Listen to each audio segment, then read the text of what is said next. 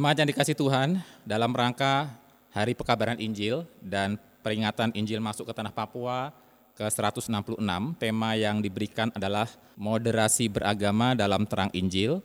Nats Roma 1 ayat 16 sampai 17. Namun untuk khotbah saya pada hari ini saya akan mengajak kita untuk merenungkan dari 2 Petrus 1 ayat 3 sampai 7. 2 Petrus 1 ayat 3 sampai 7. Saya akan bacakan bagi kita sekalian di bawah judul perikop panggilan dan pilihan Allah. Karena kuasa ilahinya telah menganugerahkan kepada kita segala sesuatu yang berguna untuk hidup yang saleh oleh pengenalan kita akan dia yang telah memanggil kita oleh kuasanya yang mulia dan ajaib. Dengan jalan itu ia telah menganugerahkan kepada kita janji-janji yang berharga dan yang sangat besar, supaya olehnya kamu boleh mengambil bagian dalam kodrat ilahi dan luput dari hawa nafsu duniawi yang membinasakan dunia. Justru karena itu kamu harus dengan sungguh-sungguh berusaha menambahkan kepada imanmu kebajikan dan kepada kebajikan pengetahuan dan kepada pengetahuan penguasaan diri, kepada penguasaan diri ketekunan dan kepada ketekunan kesalehan dan kepada kesalehan kasih akan saudara-saudara dan kepada kasih akan saudara-saudara kasih akan semua orang.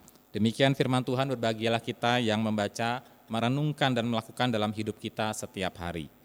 Jemaat yang dikasih Tuhan, berbicara soal moderasi beragama. Moderasi ini kalau saya lihat di kamus punya makna mengurangi sikap ekstrim atau sikap fanatik buta dalam konteks beragama. Saudara-saudara, kalau dalam konteks kita hari ini, hal yang sedang menjadi isu hangat adalah Bagaimana kita bisa belajar tetap teguh dalam terang Injil, menyatakan misalnya ya, praktek homoseksualitas sebagai dosa. Tetapi tanpa harus menjadi homofobik misalnya. Homofobik adalah istilah yang bermakna kita itu memiliki ketakutan yang berlebih-lebihan terhadap mereka yang memiliki kecenderungan atau kelemahan dalam hal homoseksualitas. Nah, saudara, melainkan kita diminta untuk merangkul mereka dan menerapkan anugerah, tetapi tentu tanpa mengorbankan kebenaran. Jadi, bagaimana kita memiliki sikap moderat seperti ini? Tetap teguh menyatakan apa yang salah, tetapi tanpa harus menjadi homofobik, tanpa harus melupakan bahwa kita harus menerapkan anugerah kepada mereka yang membutuhkan dan dalam jeritan karena pergumulan masalah homoseksualitas. Nah, Bapak Ibu Saudara, tantangan kita Salah satunya adalah dari dunia media massa. Di TikTok misalnya kita bisa melihat bahkan praktek-praktek homoseksualitas itu ditampilkan tanpa malu-malu. Nah, bukan hanya di internet tetapi melalui internet juga disebarkanlah film-film ya dengan nilai-nilai duniawi yang saya sempat saksikan. Contoh Saudara ya, ini cara-cara yang sangat halus sekali. Kalau di TikTok mungkin sangat vulgar ya, tapi ada cara-cara yang sangat halus yang dunia coba untuk tanamkan dan ini saya lihat di dalam sebuah channel untuk anak-anak, ya, channel untuk anak-anak. Uh, saudara, jadi kita melihat film ini, judulnya itu God, uh, God, Godmother ya, Ibu Peri, mengajarkan bahwa kasih itu universal. Waktu ada muncul kalimat kasih itu universal, saya sudah curiga, ini arah-arahnya ke mana nih. Dan benar saja saudara, dalam film itu ada konteks Natal yang ditampilkan, ada sebuah paduan suara menampilkan pujian joy to the world, ya joy to the world. Tetapi kata the Lord is come, kata Tuhan itu datang dipotong, ya diganti syair yang lain.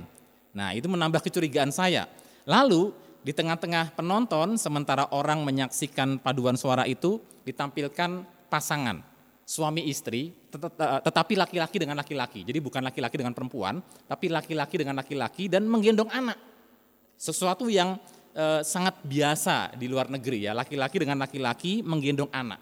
Nah, jadi dari film itu saya menyimpulkan Disney Channel ya, itu berusaha menanamkan nilai-nilai yang ketika anak-anak menyaksikan, anak-anak itu akan mulai terbiasa, dibiasakan untuk melihat fenomena bahwa itu sesuatu yang biasa. Laki-laki berpasangan dengan laki-laki, punya anak, menikah. Nah, saudara, kemudian contoh dalam film lain, film serial Orville, itu semacam film Star Trek di zaman dulu ya.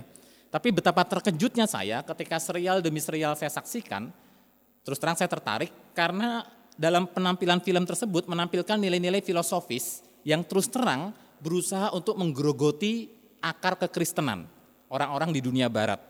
Nah, secara halus sekali, secara perlahan sekali. Lagi-lagi contohnya, di dalam kru dari pesawat luar angkasa dalam film Orville tersebut, ada petinggi dari kapal itu yang pasangannya laki-laki dengan laki-laki. Nah, saudara, dan nanti ditampilkan isu-isu tentang perubahan gender, mengoperasi jenis kelamin, dan sebagainya dan sebagainya. Saudara, jadi semua ini menjadi semacam uh, promosi ya yang sifatnya itu melawan kekristenan tapi ditampilkan secara halus sekali dan anak-anak kita ketika menyaksikan namanya juga tayangan Disney Channel kan orang tua siapa sangka melalui tayangan Disney ternyata anak-anak itu diinjili dalam tanda kutip ya diinjili disampaikan kabar baik yang sebenarnya ujung-ujungnya maut begitu ya secara halus sekali dan anak-anak kita nggak sadar membuat mereka makin terbiasa melihat fenomena itu sehingga resistensi mereka terhadap praktek dosa lama-lama terkikis, terkikis, terkikis, terkikis. Nah, Bapak Ibu Saudara, itu yang terjadi di media masa kita, di film-film, di internet. Jadi jangan bayangkan sekarang dunia ini memakai cara-cara frontal. Film yang ditampilkan bukan film-film telanjang Bapak Ibu ya, bukan film-film yang menampilkan ketelanjangan tidak, tapi yang tetap sopan tapi menampilkan nilai-nilai yang sangat berbeda. Nilai-nilai perceraian, nilai-nilai uh, apa namanya uh, homoseksualitas dan sebagainya. Nah, di sisi lain kita bisa memaklumi kalau anak-anak kita juga mungkin makin tidak tertarik dengan kebenaran kekristenan. Mengapa? Ya, karena ada suatu fenomena di mana internet ini menjadi daya tarik yang sangat kuat sehingga praktek untuk membiasakan diri membaca menenangkan pikiran, untuk mengunyah kata demi kata tuh anak-anak zaman sekarang tidak terbiasa. Ya karena mereka terbiasa mendengar berita yang serba kilat, serba kilat, serba kilat dan mereka bisa ganti channel sesuka hati mereka tergantung apa yang mereka minati. Tetapi untuk terbiasa misalnya membaca satu textbook, satu bab saja, kemudian mengunyahnya, kemudian merenungkannya, itu sudah mungkin jarang terlihat dan makin jarang untuk diminati. Saudara, akhirnya anak-anak kita juga melihat ya dalam persekutuan-persekutuan orang-orang yang aktif di gereja ternyata juga tidak menampilkan kehidupan yang distintif, yang unik, sama saja.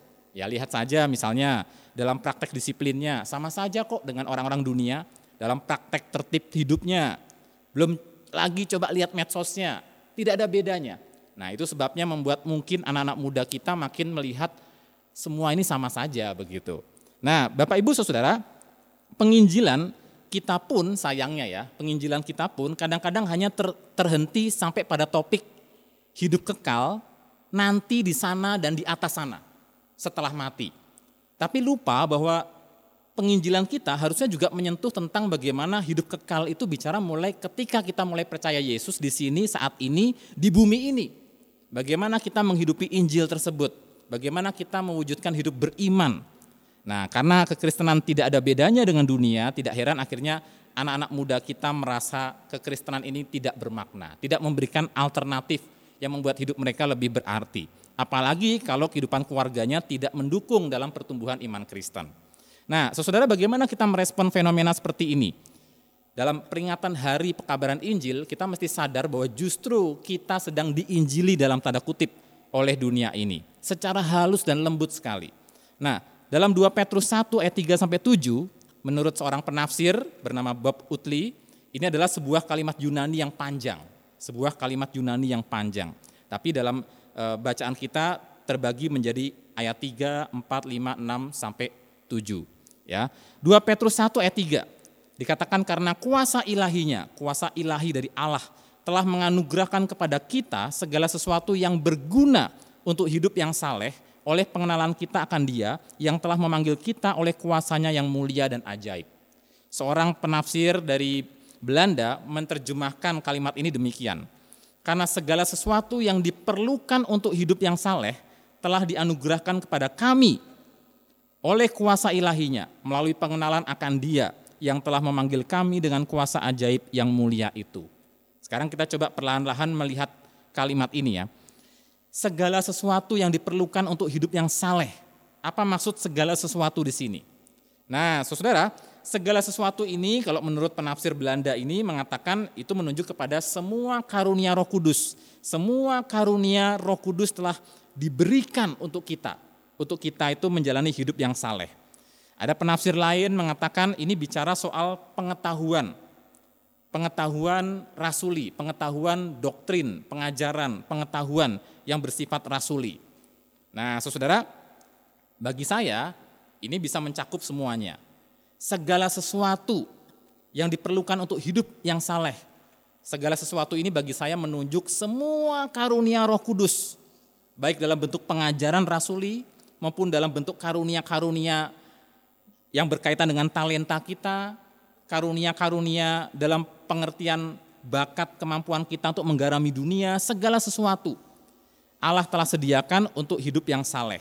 Nah, saudara, sekarang penulis surat Petrus hendak menyatakan kepada pembacanya bahwa segala karunia Roh Kudus telah dianugerahkan kepada Petrus dan kepada jemaat yang dia layani dan anugerah karunia Roh Kudus ini sampai kepada mereka dengan kuasa ilahi, sampai kepada kita dengan kuasa ilahi melalui apa? Melalui pengenalan akan Dia, pengenalan akan Kristus, pengenalan akan Allah. Nah, menarik kata pengenalan di sini menggunakan satu kata Yunani yang menyiratkan bahwa pengenalan di sini bukan hanya pengenalan di otak saja, tapi pengenalan akan Allah itu pengenalan dalam pengertian pengenalan tangan pertama, first hand, maksudnya pengenalan langsung, pengenalan yang dikaitkan dengan pengalaman, pengalaman berelasi. Jadi ada relasi. Jadi bicara soal pengenalan akan Allah di sini bicara soal relasi dengan Allah bukan hanya pengenalan dalam pengertian pengetahuan di otak saja. Nah, saudara, jadi ayat 3 ini bermaksud mengatakan kepada kita bahwa ada pengalaman lahir baru, pengalaman orang percaya itu dipanggil oleh Tuhan dan melalui panggilan Allah itu seseorang mengalami pengenalan Allah secara pribadi oleh Roh Kudus yang menjamah hatinya lewat firman Allah yang diperdengarkan kepadanya dan orang yang mengalami semua ini menerima segala sesuatu yang diperlukan. Segala sesuatu yang diperlukan. Karunia-karunia roh kudus, pengajaran, kemampuan-kemampuan untuk menggarami dunia, segala sesuatu telah Allah anugerahkan bagi orang-orang yang telah lahir baru, yang telah menerima panggilan Allah ini. Nah, saudara, dan semua ini berguna untuk apa? Untuk hidup yang saleh. Di ayat 3 dikatakan, untuk hidup yang saleh. Kata hidup di sini menggunakan kata Yunani zoe yaitu menunjuk kepada kehidupan yang bukan hanya jasmani saja, bukan hanya menunjuk kepada bios saja, tapi juga menunjuk kepada kehidupan rohani. Jadi kehidupan jasmani dan rohani itulah zoe. Kehidupan yang saleh. Nah, saudara kata Yunani itu saleh menunjuk kepada sebuah sikap yang menghormati Allah secara benar, secara baik. Ya, banyak orang kan menghormati Allah mungkin dengan cara-cara yang tidak baik. Ini menghormati Allah dengan cara yang baik. Nah, Herman Bavinck dalam bukunya itu mengatakan bahwa kata saleh di sini mengungkapkan suatu sikap seperti yang ada dalam diri anak-anak terhadap orang tuanya. Penghormatan seorang anak kepada orang tuanya. Itulah artinya saleh. Jadi kalau Allah itu Bapak kita, berarti dalam diri kita ada suatu sikap hormat kepada Allah secara baik ya, sebagai Bapak kita. Jadi Allah telah mengaruniakan semua karunia Roh Kudus termasuk pengajaran, termasuk talenta, bakat, untuk kita yang sudah dilahir barukan ya untuk menuntun kita dalam sebuah kehidupan jasmani rohani yang menghormati Allah. Kehidupan jasmani rohani yang menghormati Allah secara baik seperti anak menghormati ayahnya. Nah, inilah makna kesalehan. Nah, Saudara, dan jika kita gagal melakukan ini, hidup saleh, ya berarti kita juga e, memiliki satu kehidupan di mana pengetahuan atau pengenalan itu hanya berhenti di otak saja. Nah, Herman Bavinck dalam bukunya sekali lagi menulis bahwa sikap-sikap dasar yang inherent, yang mendalam, yang ada dalam kesalehan Kristen adalah iman yang berujung pada kasih. Ya, iman dan kasih. Nah, nanti dalam surat 2 Petrus ini iman sampai kasih itu dibahas oleh Petrus. Ya, nanti kita akan singgung sebentar. Dalam 2 Petrus 1 ayat 4, dengan jalan itu, Allah telah menganugerahkan kepada kita janji-janji yang berharga dan yang sangat besar. Misalnya janji roh kudus yang akan membimbing dan menuntun kita. ya Supaya olehnya kamu boleh mengambil bagian dalam kodrat ilahi. Maksudnya bukan menjadi sama seperti Allah, tapi kita bersekutu dengan Allah. Mengambil bagian itu menggunakan kata koinonia, artinya menjadi teman sekutu, menjadi bersekutu dengan Allah itu. Dan luput dari hawa nafsu duniawi yang membinasakan dunia. Nah, saudara, jadi dengan apa yang disampaikan di ayat 3, ya, bahwa kita itu telah menerima segala sesuatu untuk hidup saleh oleh Roh Kudus yang melahir barukan kita, ya kita menerima janji-janji yang sangat besar dan kita bersekutu dengan Allah dan luput dari hawa nafsu duniawi yang membinasakan kita. Nah, kemudian pertanyaannya adalah bagaimana menjalani kehidupan jasmani rohani yang menghormati Allah secara baik ini? Bagaimana untuk hidup saleh?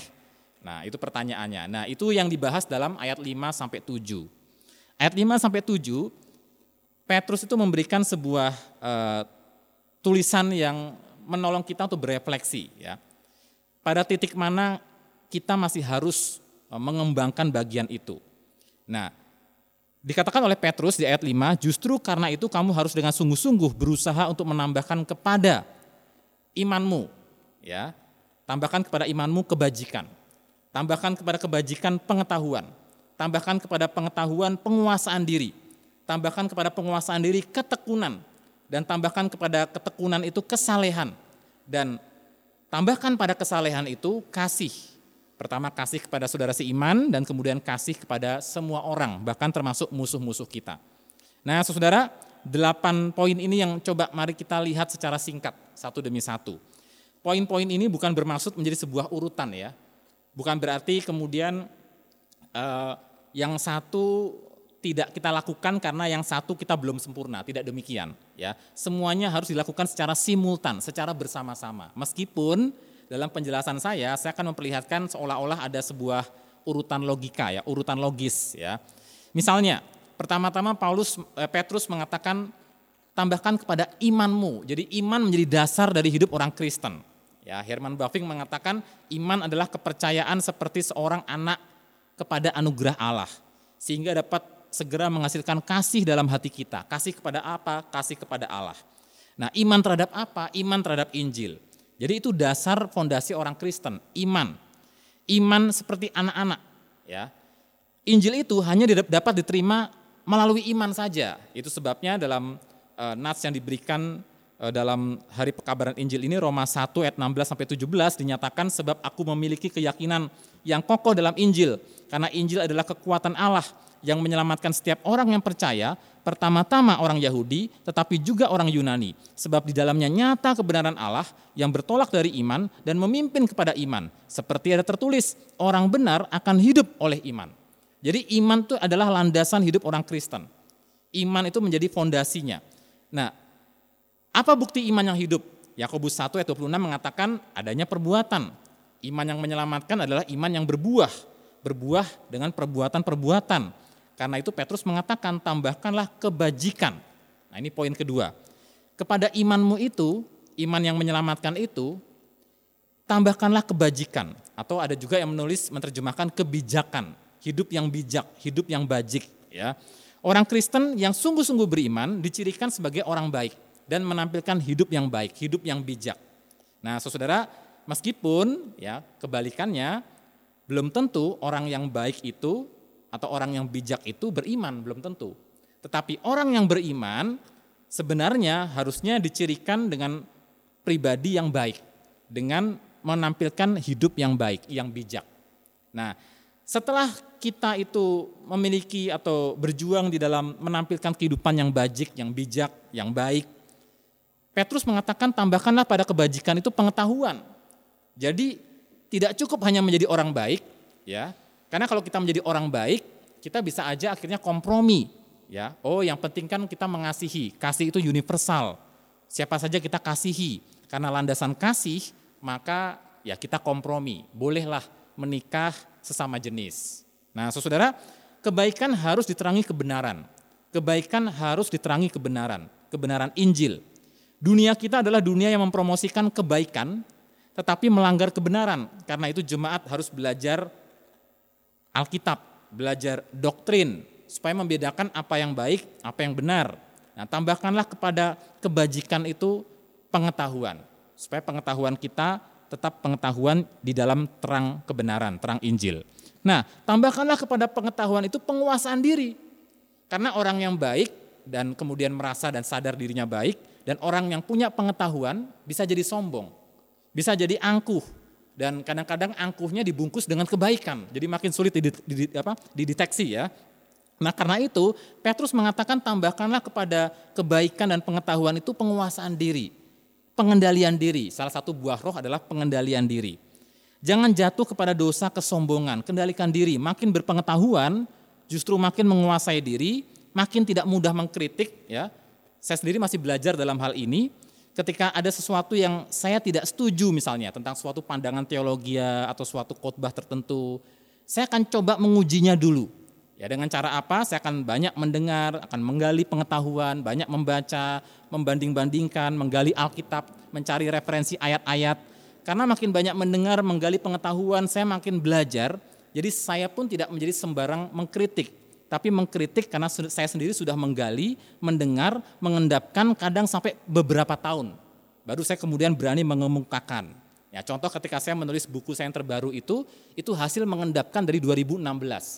Saya teliti, saya endapkan lagi. Saya baca sumber lain, saya endapkan lagi. Kemudian baru saya memberanikan diri untuk mempublishnya.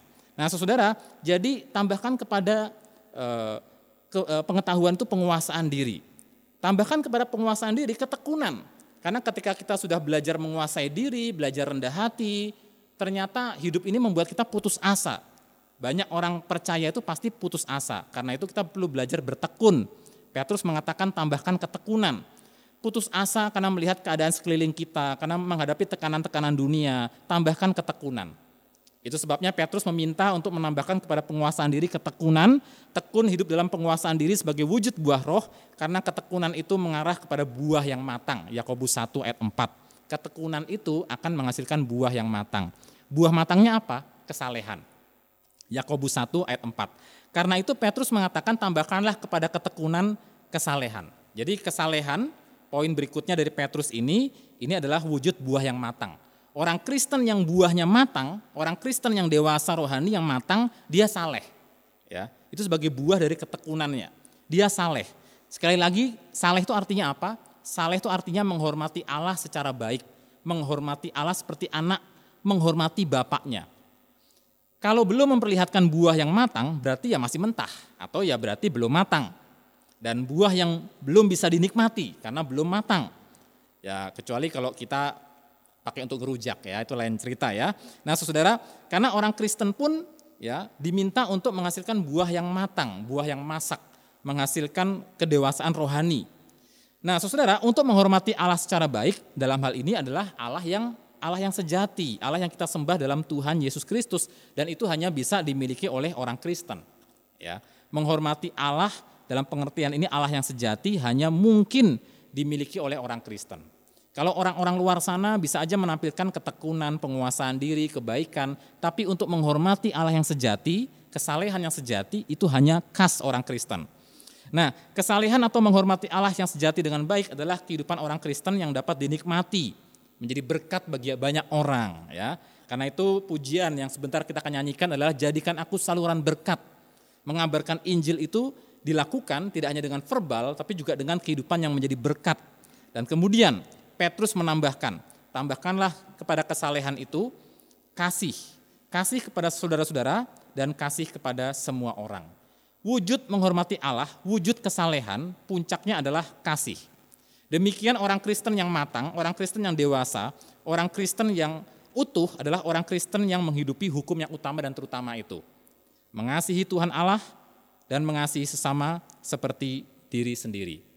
Nah, kembali ke ayat 3 sebagai penutup saudara ya. Menghadapi semua tantangan, promosi, nilai-nilai dunia, lewat film, media massa, TikTok dan sebagainya. Kita diingatkan bahwa segala sesuatu yang kita perlukan, segala sesuatu yang diperlukan, yaitu karunia-karunia rohani, ajaran-ajaran rasuli, kemampuan-kemampuan unik, persekutuan saudara seiman, gereja, telah Allah anugerahkan untuk kita mampu hidup saleh Ya, hidup menghormati Allah secara baik. Segala sesuatu telah Allah sediakan. Persoalannya, adakah kita mau menggunakan dan memanfaatkan semua itu?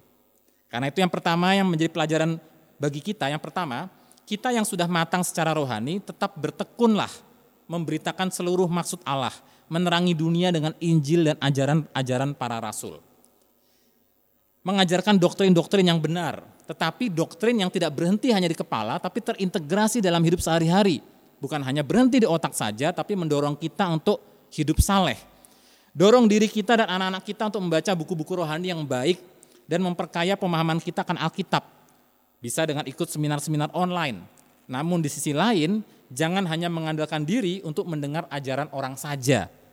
Kita terlalu fokus untuk mendengarkan ajaran orang saja tapi tidak mau menggali Alkitabnya sendiri. Hasilnya apa? Sikap hidup yang tidak moderat, yang fanatik. Hasilnya saudara akan hanya memiliki pengetahuan di permukaan dan anda akan jadi fanatik kepada ajaran tertentu, aliran tertentu, gereja tertentu, pendeta tertentu, tetapi tidak sungguh-sungguh bertumbuh untuk menggali dan mengkritisi firman Tuhan sendiri. Ya, Nah, saudara, Anda hanya puas dengan statement-statement doktrinal tertentu, tapi ketika diminta untuk menggali, Anda tidak terbiasa. Nah, saya kagum dengan banyak pemimpin rohani di atas saya yang telah membimbing saya, ya.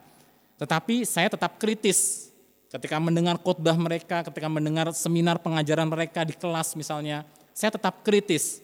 Bahkan ketika mereka pakai istilah salah pun dalam hati saya berkata, wah ini salah istilah nih, ya. Atau mungkin ada konsep yang saya tidak setuju, saya akan mengatakan dalam hati, saya akan coba selidiki. ya Kayaknya dasar Alkitabnya masih lemah nih. Nah saudara jadilah radikal dalam firman Tuhan. Radikal itu berakal dalam firman Tuhan, tapi tidak fanatik buta. Ya, kita menjadi radikal dalam firman Tuhan, tapi tidak fanatik buta. Nah, yang kedua, pakai karunia-karunia rohani di berbagai bidang untuk menggarami dunia. Itu adalah karunia Roh Kudus, segala karunia-karunia untuk menggarami dunia, pengaruhi budaya di sekitar kita di alam sadar maupun alam tidak sadar dalam wujud nilai-nilai yang kita tularkan.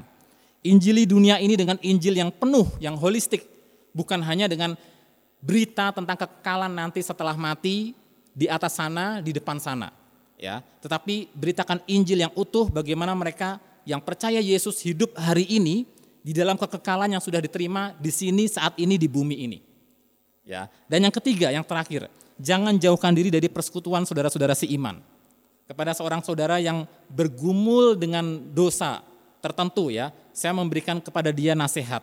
Jangan tarik dirimu dari persekutuan. Itu sama saja seperti satu kayu api unggun yang sedang membara, kamu tarik diri berarti kamu ambil itu kayu api unggun keluar dan kamu sendirikan kayu bara itu lama-lama kayu bara itu akan menjadi dingin dan kemudian akan mati. Nah, tapi biarkan dirimu masuk dalam persekutuan umat Tuhan, meskipun kamu punya kelemahan dosa, berkumpul dengan kayu-kayu bara lainnya, supaya antara sesama kayu bara saling memanaskan dan api unggun ini menjadi api unggun yang menyala. Dan kamu terbakar oleh nyala api Tuhan. Nah saudara, biarlah firman Tuhan ini menolong kita untuk kita menjalani kehidupan beragama kita, kehidupan kesalehan kita tepatnya, ya dalam terang Injil, ya dalam sikap-sikap yang sehat, tidak fanatik buta, tapi tetap radikal di dalam firman Tuhan.